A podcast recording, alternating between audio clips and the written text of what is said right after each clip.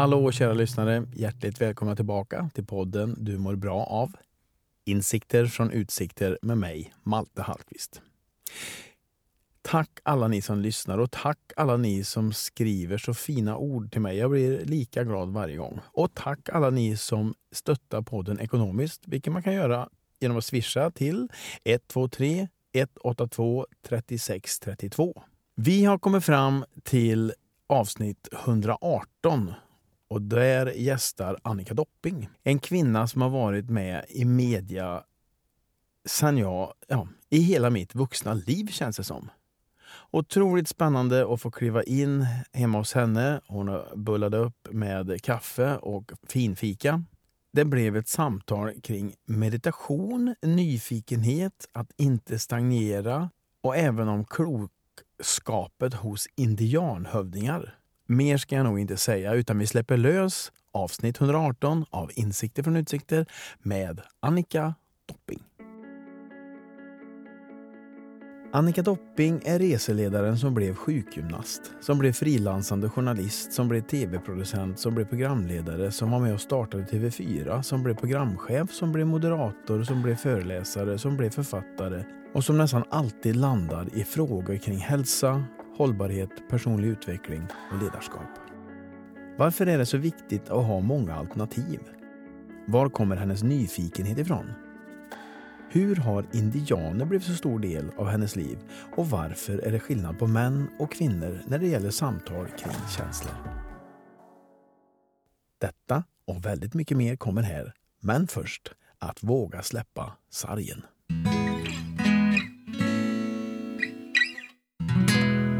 Och du bestämmer när kalaset är slut. Jag babblar på så länge du, tills du liksom drar i någon handbroms. Ja. Eller vill du att jag ska ta något ansvar för Nej, något? Du, om, om du eh, känner dig okej okay med att inte ta ansvar. Ja, då, det, jag är inte kontrollfreak på det sättet. Jag är bara rädd att du tänker att hur länge ska människan prata? på vilket sätt är du kontrollfreak då? Nej, jag vill gärna när jag gör mina, mina jobb som moderator och eh, programledare, då vill jag ju veta vad jag ska få fram och ha, ta ansvar för det. Ja, men då, då kör vi. Kära lyssnare, hjärtligt välkomna till ett nytt avsnitt av Insikter från utsikter, podden du mår bra av. Och jag har haft många utsikter i detta avsnitt, eller i detta program. Men det här avsnittets utsikt slår allt, tror jag. Det är, vi sitter ganska högt upp eh, tredje våningen, men eh, huset är beläget på ett berg. Och så, det är Värtahamnen vi ser väl? Precis. Och mitt emot mig så sitter Annika Dopping som har öppnat dörren och släppt in mig i detta hem. Stort tack till att börja med där. Mycket välkommen Malte. Tack. Du, vi har ju, innan vi slog på här så pratade vi en del om Utsikten. Mm. Det här är ditt föräldrarhem. Ja. Mina föräldrar var, den först, var de första hyresgästerna i den här tegelbaracken, eh, brukar min mamma kalla den för, på, eh, på Lidingö. Mm. Med sjöutsikt och tre håll. Det är en hyresrätt, men alltså den här Utsikten den varieras varje dag för att vi tittar på vatten. Vi ser Finlandsbåtarna går, vi ser solnedgången. Ehm, det är fantastiskt att, att få den variation som man får av en sån utsikt. Så mm. att jag fick möjligheten att flytta tillbaka till mitt barndomshem. Min mamma eller mina föräldrar flyttade hit när min tvillingbror och jag var sex månader gamla. Och jag förstår inte, för det är ingen hiss eller så, hur hon klarade att konka upp eh, två bebisar och matkassar och så för tre trappor. Men jag är väldigt tacksam att hon gjorde det. Mm. Det är inte så att Staffan är lite avundsjuk på att du har den här utsikten nu? Nej, här, lyckosamt nog så är han enormt frälst i Nacka där han bor. Det är hans toppenställe. Så att det blev ingen som helst slagsmål om detta. Utan eh, min mor var glad att hon hade bott kvar och eh, att, det skulle, att det gick att byta hyresrätter på ett hederligt sätt. Mm. Mm.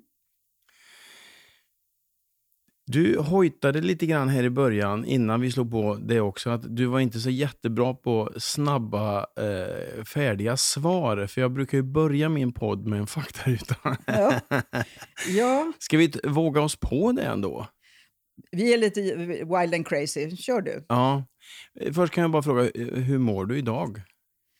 Tack, jag mår ypperligt, även om jag trivs bättre med att vara den som intervjuar än att intervjuas.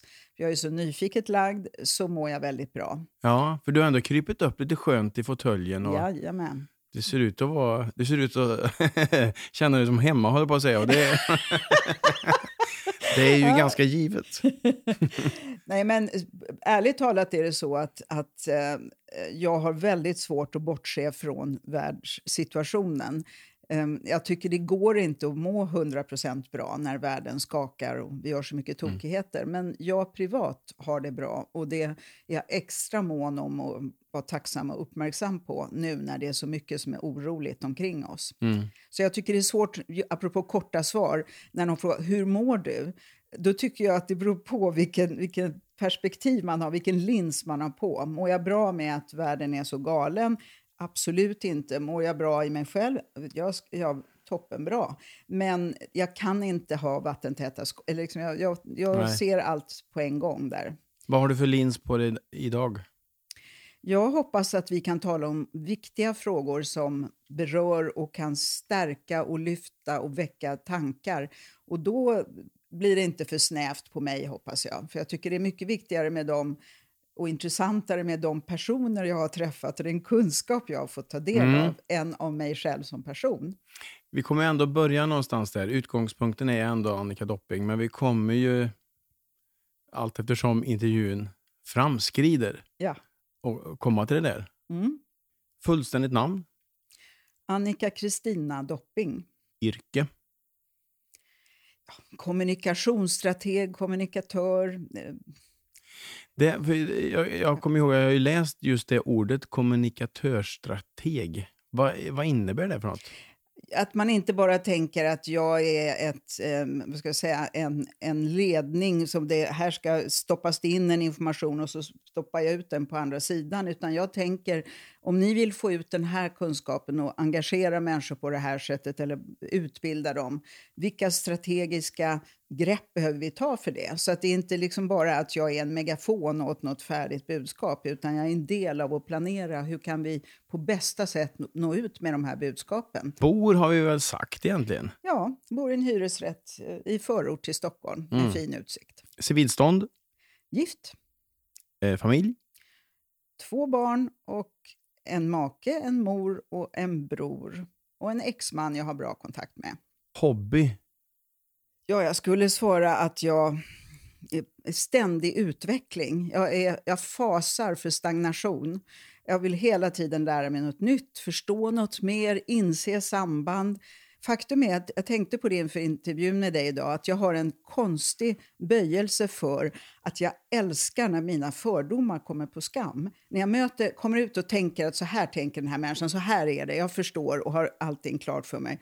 Och så får jag ny kunskap som får mig att totalt omvärdera. Det, då blir det liksom en dopamindusch i min hjärna. Jag tycker mm. det är så fantastiskt att förstå. Och gud vilken, vilken torftig dimension jag såg utifrån. Vad enögt. Så här är det förstås när man lyfter upp i örnperspektiv. Det kan låta som en konstig hobby, men jag älskar att ompröva fördomar. Mm. Otroligt ju. Eh, alltså det, Förstår du vad jag menar? Ja, men det, och det vittnar ju om en väldig nyfikenhet. Ja, jag avskyr att bara stå och stampa i en ja. folla. Det är inte jag. Får jag backa lite? Alltså, du fasar för stagnation. Det låter ju det hemskt. kanske är att ta i, men jag tycker om att vara lite dramatisk ibland. Ja. Jag är mer präktig när jag intervjuar, men nu svävar jag ut. Ja. Nej, men liksom, ibland känner jag... Faktum är att första gången jag upplevde detta, det här låter ju verkligen eh, lite anmärkningsvärt, men när vi var, vi var sex år, man talar i vi-form när man är tvillingpar, eh, min bror och jag var sex år, då fick min pappa ett uppdrag i Jerusalem på FN där. För han var dataspecialist och han skulle introducera dem i datorer på, i Jerusalem. Och vi bodde där ett halvår. Och då hyrde vi ut den här lägenheten vi nu sitter i. Och det hände ju massor på det där halvåret när man är sex år och vi gick i engelsk skola och vi lärde oss hebreiska och det hände väldigt mycket. Och när vi kom tillbaka och jag var alldeles uppfylld av det här och såg mina kompisar på gatan och liksom hela världen hade svindlat och hade förstått att människor, det finns jätterika och jättefattiga, det är inte alls som i Sverige och sådär. Då hörde jag att de pratade exakt likadant som när jag hade åkt. Det var samma frågor, det var mm. samma samtal, det hade inte hänt någonting. Vad tänkte du då? Jag blev rädd. Aha. Jag tyckte att, eh, eller, och då fick jag smak på det här att flytta utomlands, lära mig nya saker, nya perspektiv. Eh, det blev väldigt tydligt för mig att jag passar, medan andra känner att det är den ultimata tryggheten och drömlivet. Att vi vet på de här parmiddagarna vilka som kommer att säga vad och vad diskussionerna mm. kommer att vara och vilken radie vi rör oss om. Och jag trivs med det, och det gör inte jag. För jag känner att jag, jag vill utvecklas. Det, det, det är lite samma tema som ompröva fördomar. Men jag tar bara en snabb association till det. När jag var 19 år och, och mitt första jobb som reseledare då skulle man tycka illa om Spanien och Franco och bojkotta Spanien. Vi hade lite Sverige, en fråga i taget, Sverige på den tiden. Och då när jag skulle satt på anställningsintervjun så, så sa jag, jag tänker inte jobba i Spanien, så jag beskäftigt. Eh, men Marocko då, kan du tänka dig det? Jajamensan, sa jag. Och så sa vet du att de hänger folk på torget i Rabat mm. eh, varje vecka? Eh, och det hade jag inte tagit in, för det var inte det vi skulle uppröras över just då. Mm. Och när jag sen ändå tog detta jobb i Marocko och kom dit och tänkte stackars alla de människor, vad de måste vara avundsjuka kvinnorna på oss. Och möter en av de första som säger Stackars er som måste känna er som sexobjekt i de här korta klänningarna och urringar. Det, var, det måste vara hemskt för er. Och att då istället för att tänka att de är hjärntvättade och vi har facit, fundera mm. på kan man se saker på andra sätt? Just det. Så att liksom det, det har varit ett genomgående tema. Men det krävs ju nästan att man reser och träffar nya människor. Annars ja. så... Ja. ja. Så att eh, det var, eh, som, jag har varnat dig att det inte blir korta svar, mm. men, men eh, det påverkade i alla fall mig väldigt mycket. Och sen har jag flyttat runt på hemskt många olika ställen, men eh, flyttat, kommit tillbaka och mellanlandat i den här lägenheten där min mamma har bott i alla år, tills för sju, åtta år sedan. Eh, och, och liksom tankat och så flugit igen. Ungefär som en fåg, ett fågelbo, ett doppingbo. Mm. och så flugit ut igen. Ja äter helst? Mat som är lagad med kärlek, där man känner att någon verkligen har tänkt hur kan jag göra någonting för den här medmänniskan här som den kommer att njuta av. Kombinera de här smakerna. Åh, den kommer att tycka att det är så gott. Mm. Jag vet att urfolk som jag har träffat mycket, de tänker ofta att när man ger någon mat det, då bygger man ju den människan fysiskt, dess kropp. Och det är väldigt stort att få liksom känna den ödmjukheten att jag, jag är med här och, och bygger dig. Och eh, eh, då kan det vara över öppen eld i en skog som någon lagar något med mycket kärlek och omtanke. Men sen tycker jag det är roligt när det är någon liksom glittrar med ögonen och säger ja, jag har kombinerat de här, den här syrligheten här och så den här lite eh, här kaprismaken här så du får sältan och så. För jag är själv inte duktig på att laga mat, men jag har verkligen vett att uppskatta när andra har gjort det. Dricker helst? Ja, jag är barnsligt förtjust i gott vatten. Alltså jag kan verkligen mm. uppskatta... Jag gjorde nyligen en vetenskapsdokumentär tillsammans med Micke Agaton, en Emmy belönad filmare om vatten. Och alltså, då blev jag ännu mer hänförd med en svensk forskare som har gjort storartade experiment med att förstå det molekylära i vattnet. Vi tror ju att det är liksom, bara vanligt vatten eller inte vattenvärd. Vi har en väldigt nedvärderande beskrivning. Lite väte och syre. Ja, lite sådär. Mm. Lite, eh, medan då att förstå, och jag njuter så av att dricka källvatten och så. Det, men sen kan man piffa upp det med lite citron om man är på partyhumör. Och eh, jag, är absolut, jag, är, jag dricker väldigt lite alkohol, ingen eh, restriktion på mig. Det är bara att jag har en spärr. Jag tycker jättegott med bubbel, jag njuter av ett glas eller två och sen är jag så nöjd. Mm. Um, men jag, in, Låter ju in, hälsosamt och hållbart. Jättepraktiskt. Mm. Um, Eh, min mamma är likadan och då har vi fått höra genom både hon och jag att ni är billiga i driften. Vi, är liksom inte, vi drar inte mycket. Det är bara kroppen säger nej tack eh, mm. och är så nöjd.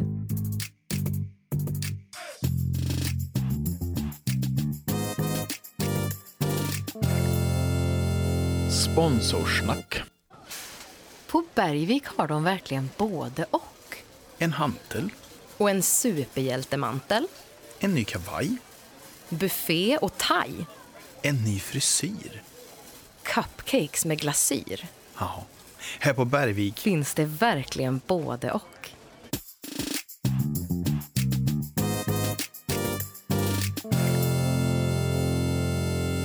Jag tänkte vi tar det lite från början. Alltså, för mig så har Annika Dopping alltid varit mediakvinnan som har varit, och varit programledare och gjort eh, mycket tv, en del film. Men det börjar inte så. Du var inne på det förut här också. Du var reseledare och du har utbildat dig till sjukgymnast. Och... Ja, lite virrat. Fast reseledare var faktiskt jättevärdefullt. Det var, har jag efterhand förstått, en utmärkt träning Eh, jag blev utflyktschef på två veckor ehm, därför att jag tyckte så mycket om berättandet, att mm. visa, visa saker, förklara. Det kan man nästan se ja, framför sig. Ihop, kan man, ja. ja. Och eh, Det var ju väldigt praktiskt att ha 50 personer instängda i en buss. För då kunde man läsa av under och, resans gång. Och ingen kunde lämna lokalen? Nej, det var väldigt fiffigt. Och eh, då kunde man se, och på den tiden så var det inte så mycket trafiksäkerhet. Man var tvungen att stå och titta i gästernas ögon. Det var inte någon säkerhetsbälten och sånt. Eh, och ehm, eh, Det gjorde att man kunde verkligen se om ögonen glittrade eller mm. Och jag kommer ihåg, jag, bland annat så guidade jag långa bussresor till, från Agadir i Marocko till Marrakesh som är en sån här riktig sagostad som krävde att man förberedde titt, eh, publi, tittarna, publiken väldigt mycket, du ser, du var eller, ja, gästerna, mm. på att inte bli bedövade av alla intryck och chockade av allting utan liksom se sagan i det. Och eh, efter ett antal resor så tänkte jag, men när hemresan tillbaks till moderna Agadir som var nybyggt efter en jordbävning, en stor jordbävning där, den var ju lite tråkig. Tänk om jag skulle experimentera och läsa Tusen och en natt på vägen tillbaks. Kommer de att tycka att jag infantiliserar dem och är dagisfröken eller vad kommer att hända? Och då tog jag lite försiktigt och provade och första gången så kom det en barsk stor herre fram och sa det var en bra utflykt Annika, men det, jag vill klaga på en sak. Och då tänkte jag, nu kommer det. Mm. Det var alldeles för lite sagor. Fantastiskt kände, fint. Ja, och då kände jag, okej, okay, då har jag hittat, det finns såna här arketypiska liksom, symboler och berättelser som passar utmärkt att göra. Min mamma har tipsat om två olika karriärval. Det första var just sjukgymnast. Hon sa, du vill ju resa utomlands, då har du med dig dina händer. Då kan du jobba var du vill. Och jag eh, pluggade lydigt och fick min examen, men jag tyckte det var för lågt i tak i sjukvården. För jag hade börjat meditera eh, tack vare min mamma för länge sedan och frågade dem och då alla fnös, alla läkarna, och tyckte det var det töntigaste och mest löjliga att sitta och blunda och tänka på något sanskritord. Hur fånigt kan det vara? Idag vet vi ju, nu forskas, har det beforskats på Stanford, så vi vet att man bygger om hjärnan rent fysiologiskt. Man kan mäta det med meditation. Men då avfärdar de. Eller mm. akupunktur. Alltså det är ju fantastiskt. Det har de eh, hållit på med tusentals år i Kina. de är skrockfulla. Vi är lite smartare i Sverige. Eller massage. Återigen det här facit som du pratade om. Att... Ja, att det mm. fanns färdigt. Och massage var bara det var förtäckt för helt andra aktiviteter och passiviserande. Och idag vet vi hur otroligt välgörande det är med oxytocin och sånt. Så att jag kände mig fjättrad och hämmad i den världen där alla hade just facit och, och färdiga lösningar och inte var nyfikna. Mm. Och så sa min mamma, de, det är en annons här i tidningen, de söker en, eh, elever till, eh, som ska bli morgondagens tv-producenter. Sveriges Television. Och, Återigen din mamma, hon verkar hon ha varit, varit ja, på hugget. otroligt eh, betydelsefull ja, för dig. Ja, det har hon verkligen varit. Mm. brukar alltid killar från Mellanöstern hylla sin mamma, sina mammor. Jag tycker det är roligt att få hylla min mamma Kerstin. Som ja, för hon lever fortfarande? 93 år gammal, pigg som en pelikan. Hon förebrår sig själv när hon inte kommer ihåg om det var i september eller oktober 74 något hände. Mm. Hon har ett, ett, galet bra minne och har verkligen och älskar att komma med artiklar som ger infallsvinklar mm. eller fördjupningar till både min tvillingbror och mig ja. och barnbarnen. Och i alla fall, då var det en utbildning då som kallades det pretentiösa namnet TV-akademin en tvåårig utbildning. Eh, SVT och Stockholms universitet snickrade ihop en. Och eh, det var inga krav på att man skulle vara kvar på SVT eh, efteråt och leverera eller så, utan det var bara för att liksom vara med och föda fram morgondagens tv-producenter. Och vi var åtta elever som antogs. Hur gammal var du då? Jag var äldst i klassen, jag var 29 år. Mm. Och då eh, förstod jag att det är det här jag ska hålla på med. Jag tyckte det var så roligt att tänka ett ämne. Vilka gäster kan göra det här ämnet spännande även om det är ett dystert ämne som depression eller incest eller döden eller eh, våld eller rädsla eller skam. Massor med ämnen kan mm. man göra levande och meningsfulla om man hittar rätt personer. Att det var det som var liksom nyckeln. Och, och då har jag alltid letat efter sådana som kan som liksom dokumenterat har hjälpt andra människor. Jag har ju hört sådana som säger att de har fått så mycket eh, inspiration av dig när de har gått på dina föreläsningar. Och det, det tycker jag är det som räknas, inte om man pratar mycket eller är populär, utan har folk fått hjälp av det. Det är mm. något som jag går igång på när det gäller min, min mission, att sprida kunskap, att vara en sorts folkbildare. Och eh, efter den här tv-utbildningen så fick, fick jag jobb väldigt fort på ett då utskällt program som hette Tre kvart. Ja, det där har jag läst om. Varför var det utskällt? Eh, det var... Ja, det är lustigt. Alltså, det var en, en, en ny reportageform där det stod och blinkade att snart kommer någonting annat. Och Det var kortare reportage och korsklippta. Och det här ansågs, och framförallt var det samtidigt som Rapport sändes. Så att det liksom, Men var det någon slags förlaga för Agenda, eller vad ska man säga? Nej, nej det var underhållning. Men okay. det var mer, kan man säga, lite amerikanskt tempo och så än det svenska. Eh, och jag menar, det var uppskattat också, men, men det var, jag kommer ihåg att det var, jag tror det var åtta helsidor i Expressen där det stod tre kvart som skakade Sverige. Eh, det var väldigt eh, liten ankdam mm. det var då. Men det, man brukar också säga när, sak, när någonting inte riktigt funkar att det hänger lite på tre kvart. ja, det är sant. Men, eh, men det var en, en rivstart. Och sen framförallt att um, vara med och starta TV4. Det var ju väldigt lärorikt. Ja, för du var med i starten där. Ja. Mm. Jag rekryterades som tillförordnad programchef de första två åren. Det är ju väldigt, alltså det är stort. Det är stort.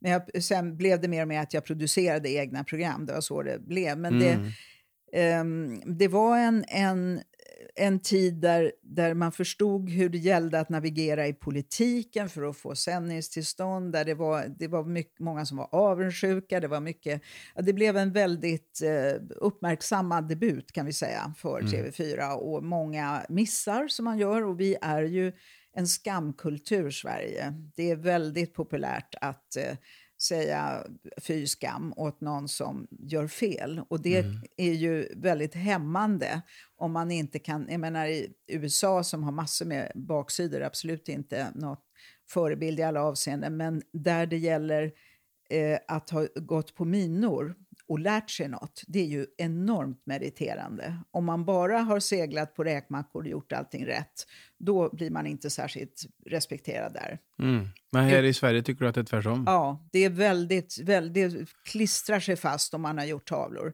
Mm. Och, eh, och skam som du använder som ord, det är ju också väldigt personligt. Skuld är ju något annat, eh, men skam är ju starkare skulle jag vilja säga. Precis. Skuld är ju något du har gjort. Skam är något du är. Mm. Och det är ju mycket grövre att fördöma och skamma någon. Mm. Um, och det, det gjorde jag också ett tv-program om uh, med den grava skamkultur vi har. Som, som blir, jag menar i viss mån så kan den hjälpa oss att avhålla oss från att göra andra illa. Att, om, man inte, om man är skamlös, då är man ju, går man ju över lik. Så det, det, allt är ju liksom grader. Mm. Men att, att skamma människor, det är förödande. Vad kan det bero på att det har blivit så i Sverige? Har du någon idé på det? Ja, ja det är en bra fråga. Ja, det är ju mycket, tror jag, det, posit- det baksidan av vår positiva vilja att se jämlikar. Eh, att vi eh, inte ska tro att, mm. alltså lite jante, ja. att, att du ska inte förhäva dig och du ska inte och så vidare, utan vi är samma. Det, det finns ädla sidor med det, men det finns också en, en fara i att, att inte förlåta misslyckanden. Mm.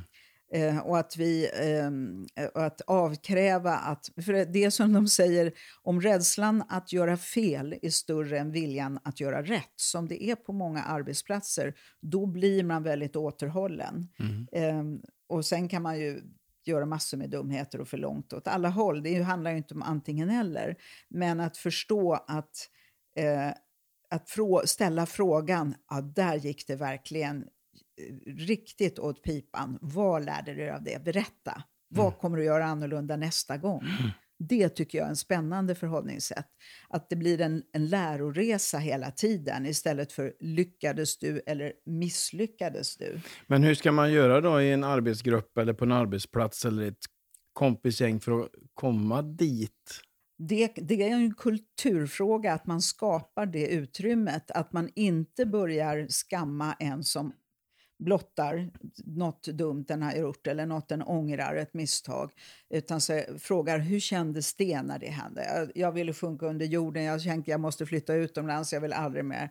Ja, om man då kan vända det, vad lärde du av det? Vad kommer, mm. du, vad kommer du att undvika nästa gång? Kan du stötta någon annan som är på väg dit? Om man liksom, det handlar bara om hur vi förhåller oss i att stötta den.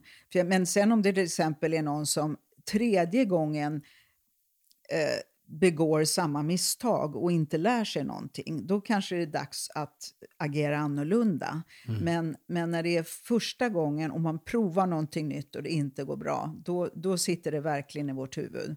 Jag hade en, eh, med en finsk psykiater i ett antal tv-program som heter Ben Furman och som har skrivit bland annat en bok som heter Det är aldrig för sent att få en lycklig barndom. Just det. Mm. Ja och väldigt lösningsinriktad. Och han sa det, liksom det, det mest förödande vi kan ha det är att hålla på att odla bitterhet och älta misslyckade barndomsupplevelser. Hur kan vi... Det viktiga i livet är inte vad du har haft bakom dig utan vad förväntar du dig av framtiden? Mm. Och det kan du påverka. Du kan påverka att jag kommer att ha förstagångsupplevelser jag aldrig kunnat drömma om. Och hur gör man då? då?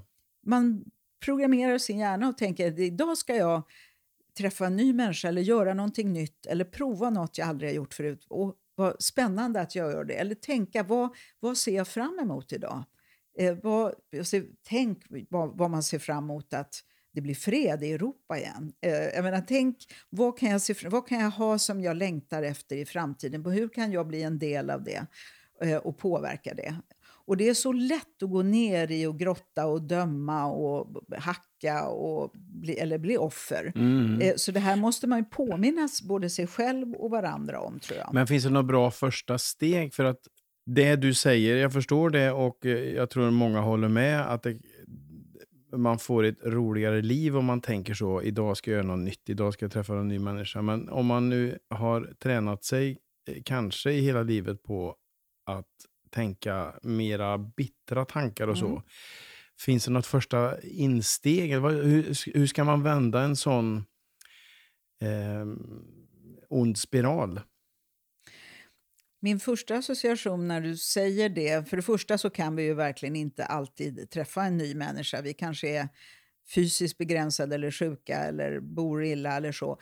Men då tänker jag på en, en bok jag läste för många år sedan av en man som heter Leo Buscaglia Undrar om inte det var min mamma som tipsade mig om den också. Förmodligen. ja, och, då, och det är en mening där som bet, som bet sig fast i mig. Och det var den rikaste människan på jorden, det är den som ser flest alternativ till handling.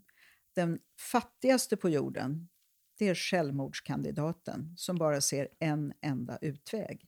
Mm. Hur kan jag öka alternativet, eh, antalet alternativ att göra i den här situationen? Hur kan jag liksom utmana mig själv och tänka vad skulle jag kunna göra nu som får mig att må bättre, bli mindre avundsjuk, släppa det som har hänt. Vad kan jag göra som eh, tränar mig på att, att eh, är det ett bad jag ska ta? Är det en musik, någon, någon, låt som alltid gör mig lycklig? Är det att läsa något i en bok? Är det att tala med någon som alltid får mig att skratta hur hemskt den är? Är det att sova lite för jag är uttröttad? Är det att gå ut i naturen och bli hänförd av fågelkvittret? Vad kan jag göra? Att liksom medvetet träna hur, vad får mig att må bra? För många gånger tänker vi aldrig igenom det att det här är ju faktiskt en, en riktig, nästan garanti för att jag kommer att må bättre.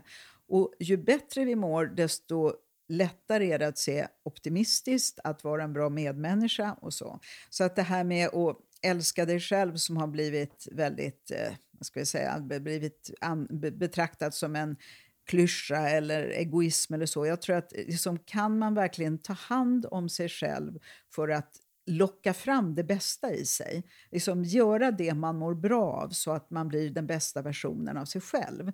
Då blir man ju så mycket bättre för sina medmänniskor. Har du några såna grejer som alltid funkar för dig? Du, du radar ju upp lite olika låtar, ja. promenad och så vidare. Men... Meditation är överlevnad för mig. Det mm. är jätteviktigt. Jag hur, har hur ofta? Förlåt? Hur ofta? Varje dag. Alltså, 99 av 100. Det är något som jag prioriterar jättemycket. Och det, jag, jag har tränat mitt nervsystem att det, det är inte som sömn utan det är på en annan, annan frekvens. Att jag eh, går ner och jag känner hur jag verkligen, hur saker laddas om eller det som jag får tillbaka kontakten i eh, får, och vaknar upp eh, i bättre skick. En väninna till mig och jag var på en för många, många år sedan en journalistresa till Sydkorea och det var väldigt hårt program för alla oss europeiska journalister.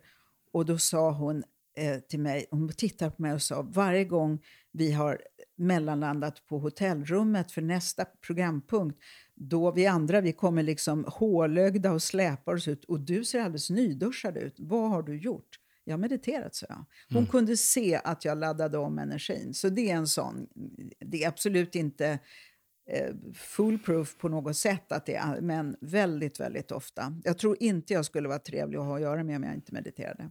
Men det finns ju så många olika sätt att meditera. Ja. Hur gör du? Jag har en, eller för många år sedan lärde jag mig med att samma som Beatles hade transcendental meditation. Men idag tänk, liksom, jag använder inte tekniken utan min, min hjärna kör sitt eget race. Den har lärt sig vad behöver, den här, vad behöver hon nu för att gå ner i, i djup vila och ladda om.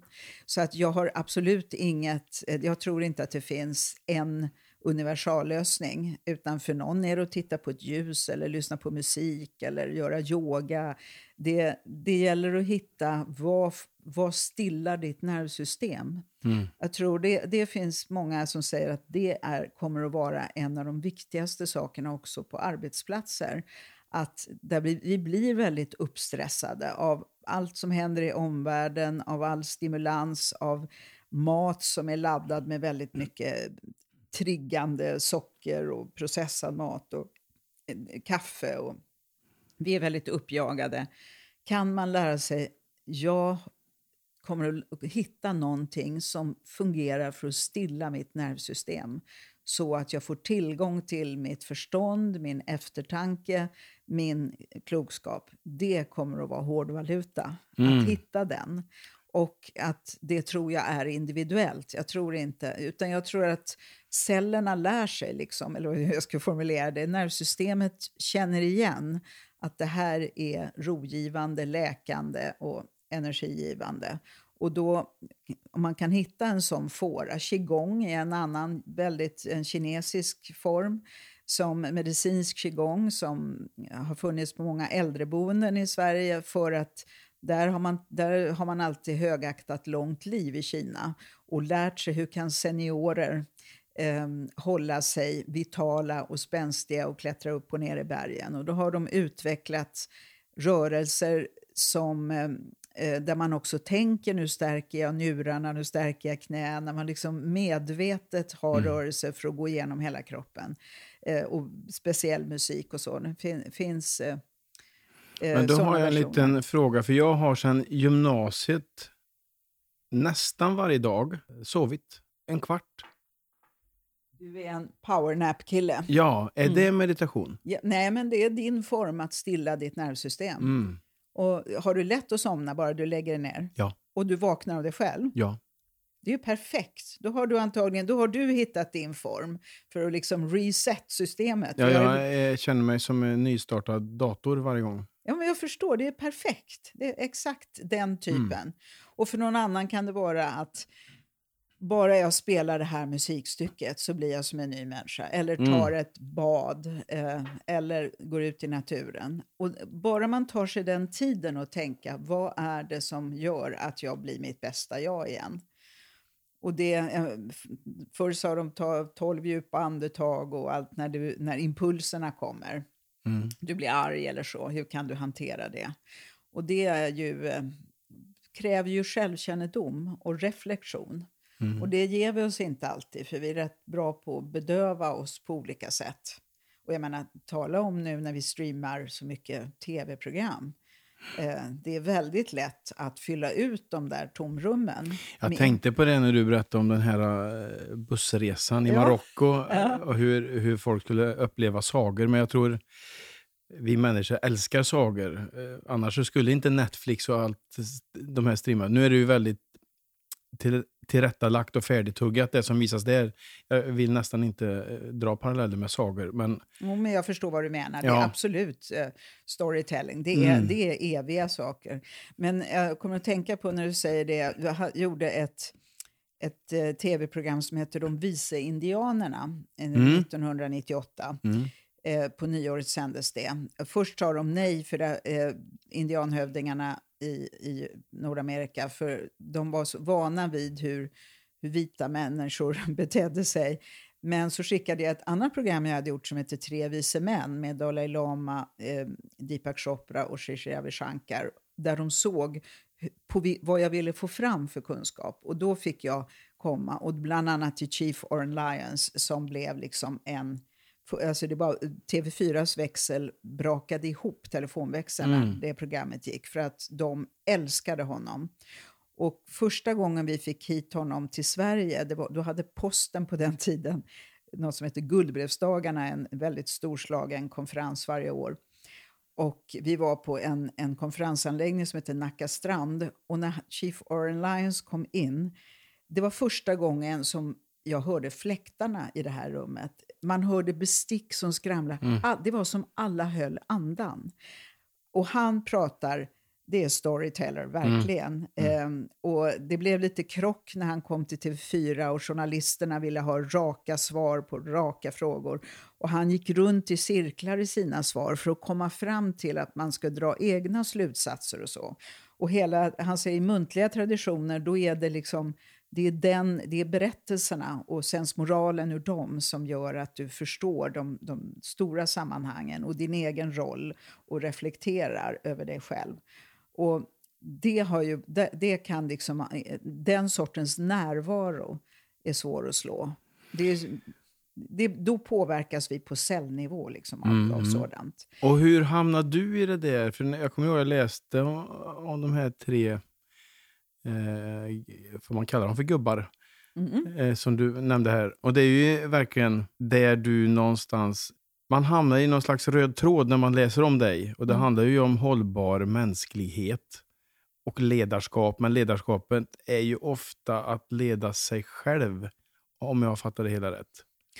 Både och skulle jag säga. Jag vet när jag träffade, eh, efter ett tag när jag hade träffat hövdingar eh, i, som Oren Lyons eh, kände eller på olika sätt rekommenderade. Och jag sa då, det här var många år sedan då, eh, hur kommer det sig att ni har så fantastiska manliga ledare? I, I vår värld så har vi på den tiden var det Ceausescu, Milosevic, och Gaddafi och Saddam och den ena var värre än den andra. Och då sa han eh, något som är extremt tabu i, i Sverige att svara en sån sak. Men då sa han, vi låter alltid kvinnorna utse ledarna. Varför då, sa jag. Jo, för vi män vi tenderar att välja den starkaste krigaren. Och då får man militära sinnen och det vill inte vi ha. Kvinnorna börjar se redan på förskolenivå eh, vilka, vilka pojkar, för det är manliga hövdingar, leder gruppen, vilka inkluderar alla, vilka löser konflikter, vilka använder humor, vilka har självdistans. Mm. Och så följer de och guidar de här pojkarna som har ledarkvaliteter tills de och det är massa, alla folk ska godkänna dem och det är, det är väldigt, väldigt gedigen test innan man blir ledare. Men det är hela tiden kvinnorna som väljer dem och avsätter dem om de inte sköter sig. Eh, annars sitter man på livstid och då måste man stötta den ledare man har. Mm. Och det finns så mycket klokskap liksom, i, i hur man utser ledare, hur man stöttar dem och hur man, eh, vad det ska vara för kvaliteter i dem. Och en av de kvaliteterna, alltså vårt ord för ledare, det är inte den som är högst upp i en maktstruktur, i, i en hierarki, utan den ordagranna betydelsen är den som har lång vision. Den som kan visualisera framtida generationer, som de säger, ofödda generationer i marken och handla on their behalf, eh, ja, på deras, eh, för deras skull. Och eh, det handlar inte om barn och barnbarn. Det är alldeles för egoistiskt perspektiv. Utan ännu längre fram. Sju generationer från nu. Om det beslut som vi ledare fattar idag kommer att ske på bekostnad av den sjunde generationen från idag, då är vårt ansvar att säga nej. Hur härligt det än vore för oss här och nu. Har vi någon sån person på Rosenbad?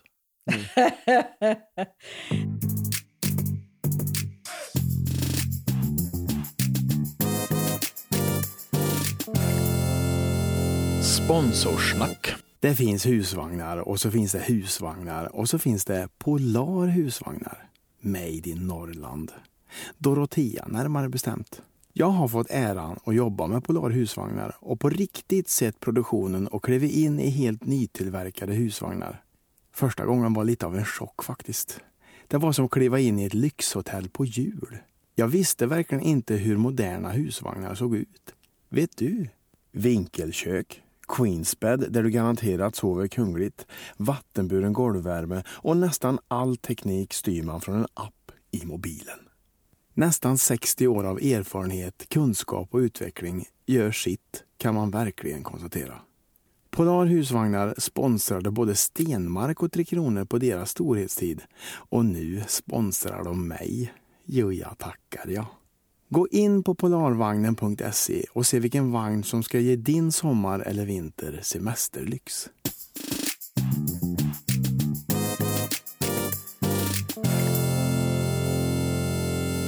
Du har inte funderat på att ge dig in i politiken? Nej.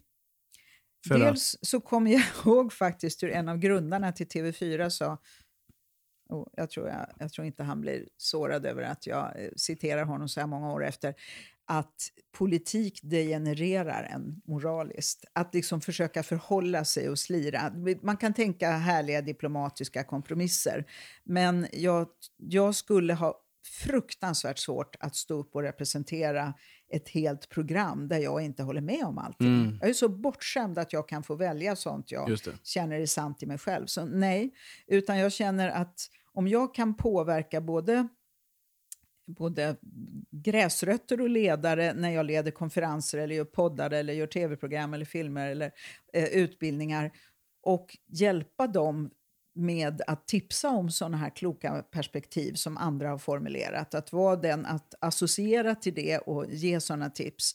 Då, då påverkar jag på mitt sätt, där jag kan göra bäst nytta. Eh, och det är inte i politiken, tror jag. Och jag tror att det är farliga system vi har som det är nu, där, där man vill bli omvald. Mm. Istället för att göra det som är klokt för framtiden. Det är korrumperande. Jag tror att det är oundvikligt som det ser ut just nu. Och särskilt när jag har perspektivet med irokesindianerna, där man väljs på livstid och, eh, efter, och att man hela tiden ställs till svars på lång sikt för det man gör. Och man förstår att det, till, det finns så mycket visdom, till exempel att om det är för stora klyftor i samhället, då kommer det att skapa ofred och kriminalitet. Um, på olika sätt. De som är fattigast för att överleva och de som är rikast för att de kan kommer att runda lagar och villkor. Det blir liksom inte en, samma spelregler. Klyftor är, är, skapar o, obalans i tillvaron. På irokes skanno är ordet för både hälsa och fred. Att förstå hur balans skapas i i hela, hela samspelet med naturen och med oss och så. När jag hör de här visa personerna, mina celler bara känner igen och förstår. Mm. Det är så här det hänger ihop. Och då blir det jobbigt att se hur mycket tokiga beslut vi fattar. Mm.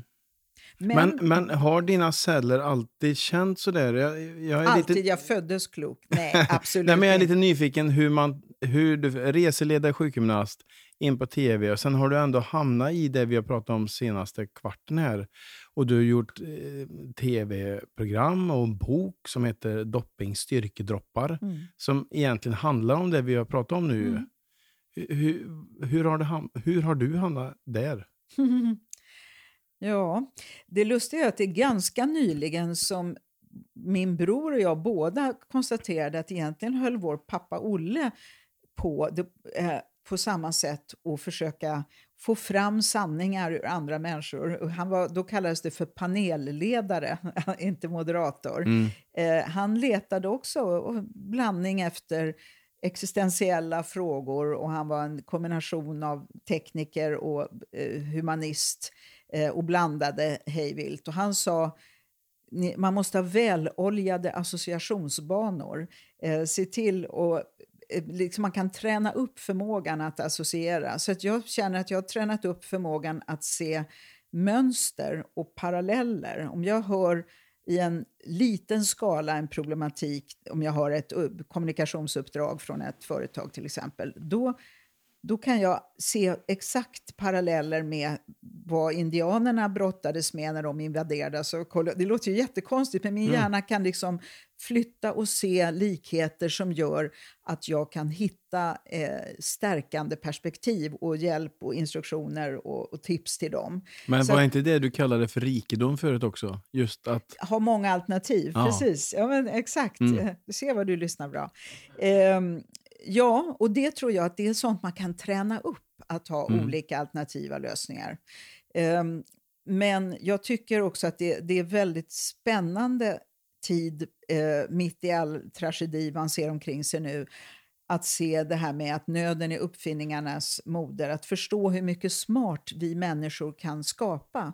Vi har skaffat en liten, liten fäbod uppe i Dalarna eh, som ehm, eh, med, har en, en brunn, men annars är den mitt ute i skogen. Och så har vi satt på solceller på den och ett litet batteripack. Och alltså när vi kunde eh, tända lampan i taket och ha kylskåp. Vi kände oss, oj, så mm. här mm. måste våra förföräldrar, mor och farföräldrar ha känt sig när de fick el.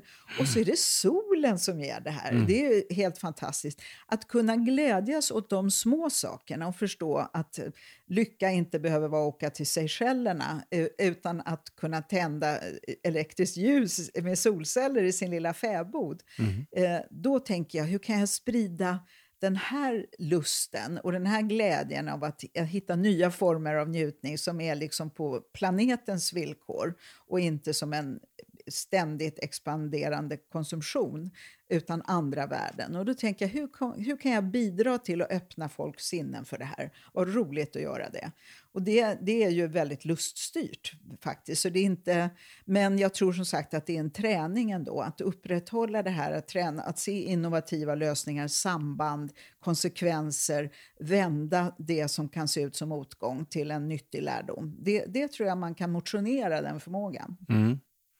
Har, finns det någon i, i din bok tips på hur man gör det, hur man övar? ja, eh, nu trycks inte boken Dopping styrkedroppar längre. Jag tog fram den här för jag tänkte ge dig en sån. Eh, men där finns det absolut, inte minst Ben Furman, eh, den finske psykiatern som till exempel beskriver hur man i fyra enkla steg hur man upprätthåller motivation.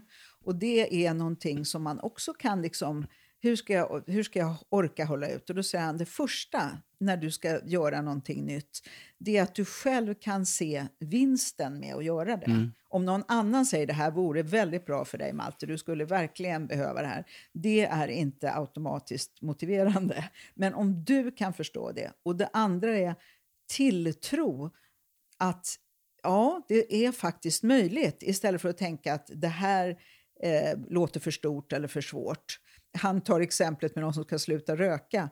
Eh, ja, du klarade en halvtimme längre innan du tog första morgoncigaretten. Du har makten över det här. Att liksom bygga mm. tilltro. Du har klarat svåra saker förut som du inte trodde. Och sen att fira små framsteg i rätt riktning tillsammans med heja, heja klacken som man säger. Um, inte med de som säger det där är ju bara det är en droppe i havet, det kommer aldrig att gå. De ska man ta fet bort när man ska upprätthålla motivation. Utan man kan träna dem, använda dem för att trä, slipa argument och träna sig på andra sätt. Men när du ska bygga egen motivation, se till att fira, wow, du är på rätt väg, du liksom stärker du. Och det fjärde är, förbered från första början hur du hanterar motgång.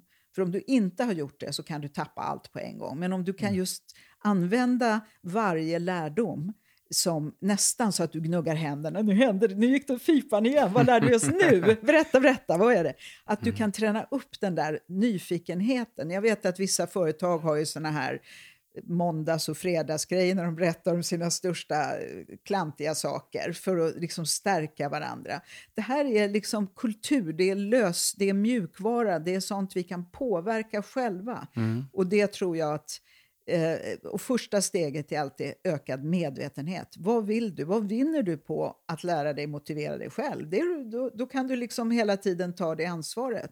Men det gäller att välja bra rådgivare och bra kompisar. Mm och som tycker det här är roligt och inte bara tröttsamt och liksom coola nu, nu, nu, vi, vi, nu ska vi ha kul, utan ser lusten i det här. Mm. Och där, um, vi är ju små apotek, liksom. våra tankar utlöser stresshormoner eller lusthormoner, eh, liksom lugn och rohormoner. Vi kan påverka så mycket mer än vad vi tror med våra mindsets, som heter på klingande svenska, med vad vi tänker om saker. Och det, jag menar, du har ju fått hantera sorger och förluster och jag, då, vet, då tycker jag att den Khalil Gibran som har skrivit en bok, klassisk bok som heter Profeten. Han är fantastisk när han säger att ju mer sorg ditt hjärta rymmer, desto mer glädje kan det också rymma. Så det är kommunicerande kärl. Mm. Istället för att säga att det gick bra på begravningen och han var samlad, så brukar jag säga gråt så mycket du kan för då kommer du skratta mycket mer sen. Mm. Att liksom förstå sådana här sammanhang där vi inte ska kontrollera oss utan bejaka sånt som kan öka glädjen. Det kan man behöva lära sig. Är kvinnor generellt bättre på det här än män? Vi är generellt vanare könstypiskt, absolut inte på individnivå, men på gruppnivå, att tala med känslor och stämma av med, med bästisar eh, vad som är okej okay och inte. Och många män har ju jättesvårt med det. Jag vet en, en manlig präst som jag sa, hur kommer det sig att kvinnor som skiljer sig kanske väntar i åratal innan de hittar en ny partner och för män kan det vara några månader. Mm. Vad, vad, vad har du sett för mönster? Och då sa han, jo men det är för att ofta är partnern eller kvinnan, om man nu är heteronormativ, så är det mannens enda förtrogna där han verkligen vågar blotta sin sårbarhet. Och det blir ett hål om man inte ja. har manliga vänner. Då måste man hitta en ny sån. Mm. såna här, det, det, håller på att förändras nu. Det är väldigt mycket gamla könsmönster som luckras upp. Men jag tror att det här sitter kvar en hel del. Så att vi tränas mer på eh, att formulera oss i känslor och bejaka det, tror jag, könstypiskt. Mm. Du sa att det är viktigt vad man har för polare runt sig när man ska öva upp mm. sådana här skills. Mm. Eh, kan det då vara bra egentligen att man har fler kvinnor runt sig, alltså fler kloka kvinnor runt sig? Mm. En bra fråga. Eh, det bästa är ju om man har eh, om man, man har i så fall män som har utvecklat sin, båda sina poler. Vi har ju det här inom oss. Jag menar, det är så, vi har ju så mycket som är eh, latent i oss. Om vi blir blinda så kan vi träna upp hörseln eller lukten eller så. Och på samma sätt om vi blir ensamstående, man blir ensamstående pappa så kan man träna upp mycket färdigheter. Så det här är ju mm. inte liksom stöpt eller begränsat. Men jag tror att träna sig på eh, att tala med känslor med kvinnor och sen kanske bli en förebild för sina manliga kompisar. Det mm. tror jag inte är en dålig väg att gå. Eh, och det och det, jag kommer ihåg en av mina, en amerikansk eh, ledare på en kurs jag gick till och, som sa att för män eh, som har fått smak på den här friheten som det är eh, när man vågar bejaka känslor, de blir liksom mer hungriga på det än vad kvinnor är som har fått det. Mm. Därför att det är en sån enorm frihet. Mm den formuleringen ska se om jag kommer ihåg den på engelska. When the little boy in the dungeons, nere i fängelsehålorna i, i mannen, has had a taste of freedom, he will never give you vacation again. De, när man har fått smak på friheten och kände att det är så det är att få bejaka hela sitt register. Inte mm. leva ut aggressioner, det är absolut inte det, utan att få känna och njuta fullt på hela registret. Och bara det att kunna sätta ord på sina känslor, som jag kan tycka eh, rent allmänt att män är sämre på. Ja, träna. Mm. Det är som liksom att se, och om man då kan, om man är, särskilt om man är en vinnarskalle, eller, så här, men menar, då kan man använda den läggningen, att jag ska lära mig verkligen, och liksom se det som en lustfylld resa, att, att utöka sin, sitt språk och sitt sätt att beskriva hur man mår på, på no, och så känna tillfredsställelsen i det. Och det är då man inte ska ha den där buligan som stönar och himlar med ögonen och hånar en. Det kan trigga vissa personer, men de flesta behöver större trygghet och stöd för att liksom övervinna det och känna glädjen i det. Och känna tillfredsställelsen i att få bearbeta något och eh, få ur sig det och knyta en röd rosett om att kunna gå vidare. Att, att inte fastna i ältandet eller tycka nu måste jag dricka sprit för att bedöva det eller så. Men den lusten att utvecklas personligt, den gör ju att i andra kulturer kan de äldsta vara de högst ansedda, mm. som i, i Japan eller hos indianer och urfolkningar. För man vet de har den erfarenheten, de har det perspektivet, de kan ge dem råden för att de har lärt sig av misstagen. Och, eh, och det, att sträva efter att bli en sån äldre som folk vill komma till, för de känner här kommer jag att få de tröstande, stärkande, vägledande ord som gör att jag blir en klokare människa. Det är ju väldigt trevligt att ha den egen, istället för att tänka jag förlorar min ungdom, jag blir gammal och ämlig och rynkig, så tänker man jag förvärvar visdom och insikter och utveckling och det kan jag dela med mig av. Då, det, det, är ju också ett mindset man kan, på, man kan påverka, eh, hur man ser på det. Vi har en väldigt stressande ungdomskonstig kultur mm. för, för unga människor och, eh, som, vi, som är gjord av människor och därför kan revideras och uppgradera programvaran lite om vi nu talar maskiner. Mm. Mm. Du har sagt, du har sagt vad har du sagt? Vad var det du sa? Då har vi kommit till avdelningen Du har sagt. Nu ska jag stå till svars. Ja, Nej, jag eller... Skojar, jag skojar. mer kanske ge kött på benen. Aha. Om inte jag har förstått riktigt. Aha. Det är en hälsofaktor att vara nyfiken. Ja, jag tror att eh, det är... Vi, våra hjärnor är gjorda för att stimuleras och utvecklas och vrida och vända på saker och se saker på nytt, nya sätt. Jag brukar ju då återkomma till mina indianer ibland, men de har under vissa av sina rådslag så kallade 180-graders indianer vars jobb är när alla har kommit överens om att det här ska vi göra, det här är enda, enda vägen, så säger de vad händer om vi gör precis tvärtom? Det är deras uppgift att få mm. oss att nyfiket fundera, men det kanske, vi kanske ska göra precis tvärt emot. Och det tycker jag, då utvecklar man hela tiden den, den färdigstakade banan. Och jag tror att att eh, den nyfikenheten håller oss vitala och levande, att vi inte bara krymper. Det finns de som säger att eh, förhållanden, det är alltid en rörelse i ett förhållande. Antingen utvecklas det eller krymper. Det står inte stilla, för livet står inte stilla. Och då är det lika bra att liksom njuta av resan och växa, på växa i klokskap. Mm. Om du har kvar din humor så har du kvar din integritet och rikedom. Det är ganska stora ord. Ja, det är verkligen. Vad pretentiös jag har varit i min dag.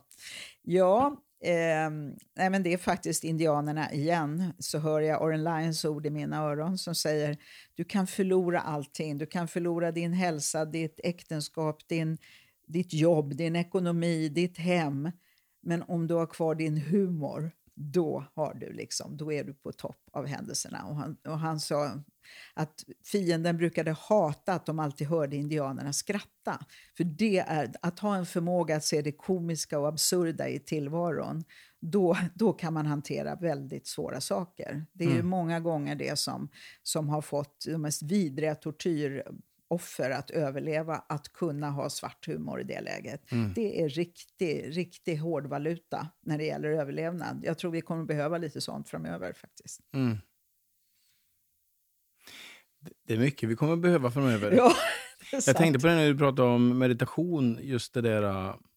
Vi har ju ändå skapat en värld som vi inte riktigt hanterar. Att våra hjärnor inte orkar med all information. Och mm.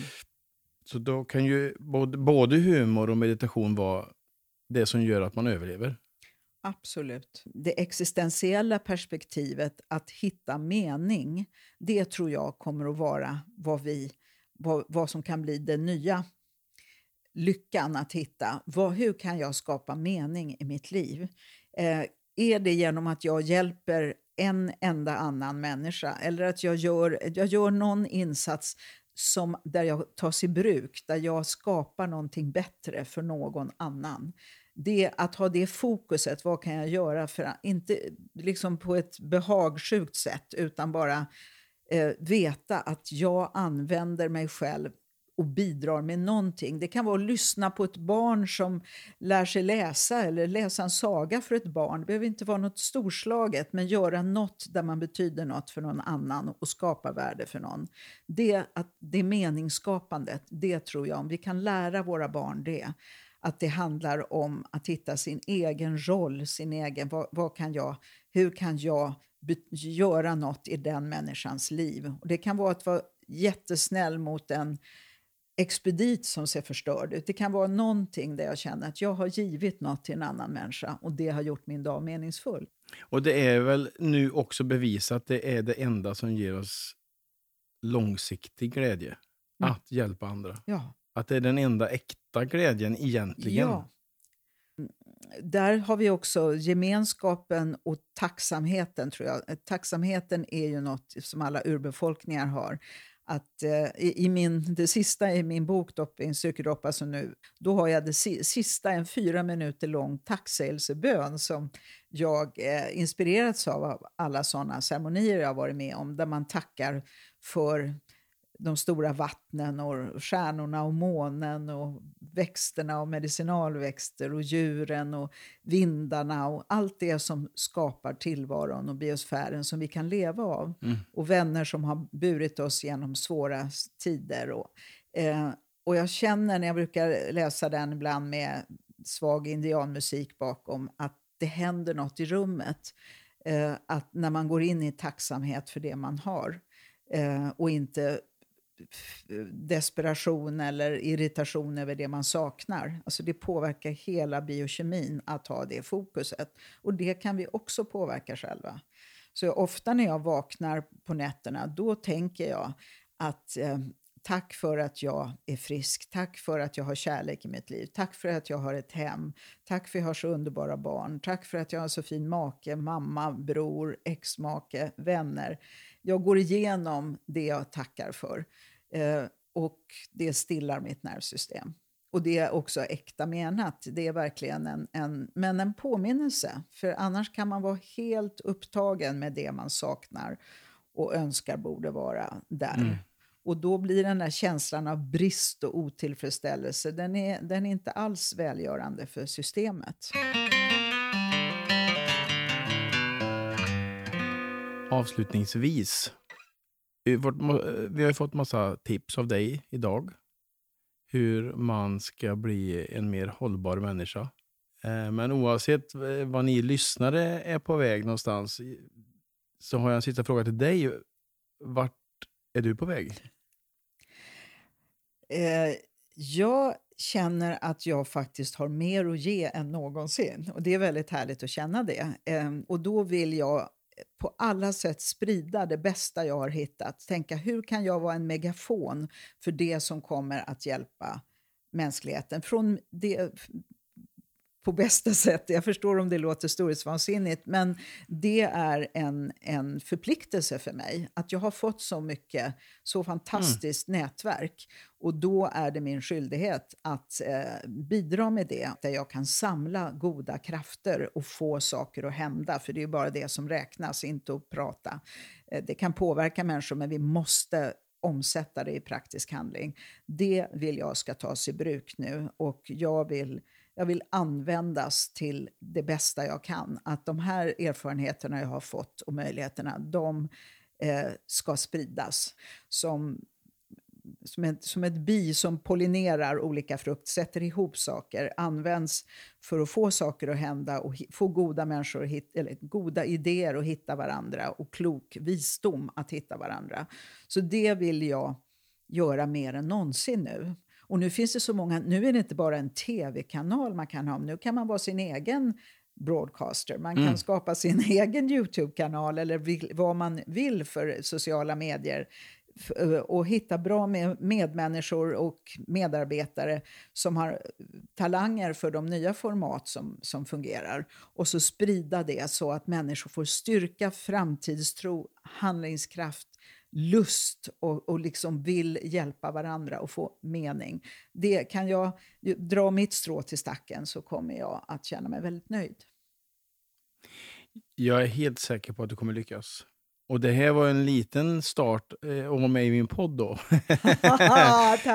tack! Jag hoppas att någon av de som lyssnar nu här kommer känna att ja, det där betydde något för mig. Mm. Om jag kan känna att det här har givit den där lilla puffen eller den riktningen eller nu ska jag sluta på det här jobbet för jag blir en bitter, jag dras mer av den här negativa diskussionerna. Nu ska jag vara någonstans där jag får styrka och kraft och kan bidra med mer. Eller nu vill jag inte vara i det här äktenskapet eller förhållandet där vi, där vi bryter ner varann och förtalar och bekämpar varann.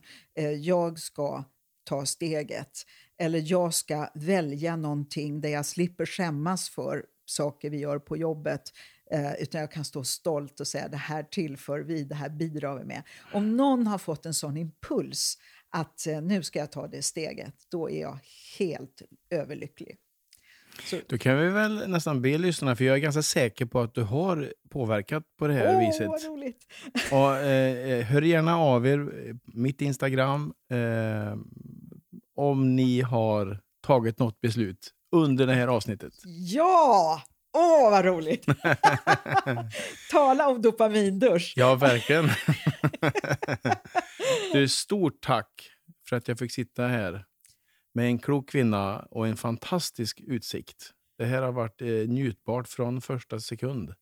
Tack kära Malte, det har varit väldigt njutbart för mig och insikter och utsikter, det är precis sånt jag, jag är passionerad över. Så all lycka till dig att omsätta. Jag har nog sett i dina ögon att det har hänt saker under mm, resans gång. Det är helt sant.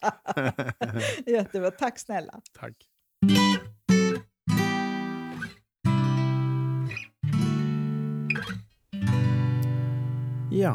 Det var Annika Dopping det.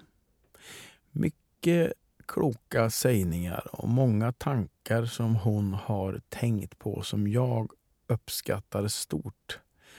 Och glöm nu inte bort att om ni har fått någon insikt eller tagit något beslut under avsnittet så skicka in det till mitt Instagramkonto Malte Hallqvist. Nästa vecka så gästas podden av Peter Hallström.